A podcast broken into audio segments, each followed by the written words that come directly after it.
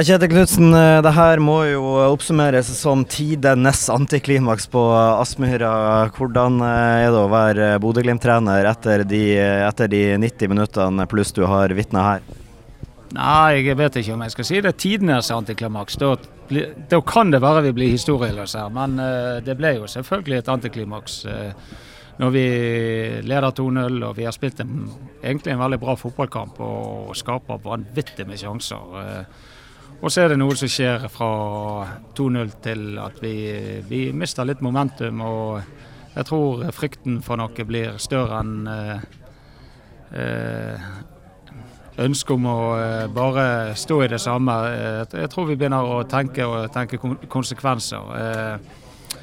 Og så slipper Brann egentlig alle tauene. Og, og det, det ble ganske utrolig når vi klarer å rote det vekk. Men vi, vi kan bare takke oss sjøl. Altså. vi ønsket jo når det ble så det ble, at vi kunne avgjort det her utpå. Det var alle muligheter for det. Men det, i dag var vi, var vi gode i veldig mye, men vi, vi var ikke gode nok til slutt. Bodø-Glimt-spillerne er jo selvfølgelig opptatt eh, på banen med å følge med på sitt, og får kanskje ikke så mye med seg det som skjer på tribuner over høyttaleranlegget. Du som står på sidelinja har kanskje litt bedre oversikt. Eh, det er under ett minutt på slutten der, der hele Aspmyra røyser og jubler i glede over at Spiker annonserer Lillestrøms utligning. Og under ett minutt eh, senere så skårer Bård Finne for, eh, for Brann og, og ødelegger denne gullfesten, i hvert fall enn så lenge, da. Eh, hvordan opplevde du det, og hvor mye av det her fikk du med deg?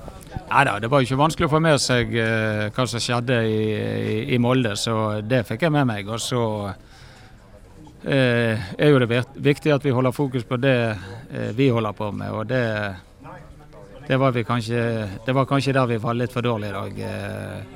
ikke nødvendigvis fra siden, men det er jo litt, De slipper jo opp alt i slutten for å få noe, og det skjønner jeg veldig godt. Det hadde vi gjort hvis vi var i deres eh, posisjon. Så dessverre så, så, blir det sånn i dag. Og vi kan eh, diskutere mange ting rundt det, men det, vi får ikke gjort noe med det nå. Det var eh, for en liten stund siden. Da hadde vi alle muligheter. Men eh, vi må ta læring fra, fra det som skjer etter 2-0, tror jeg.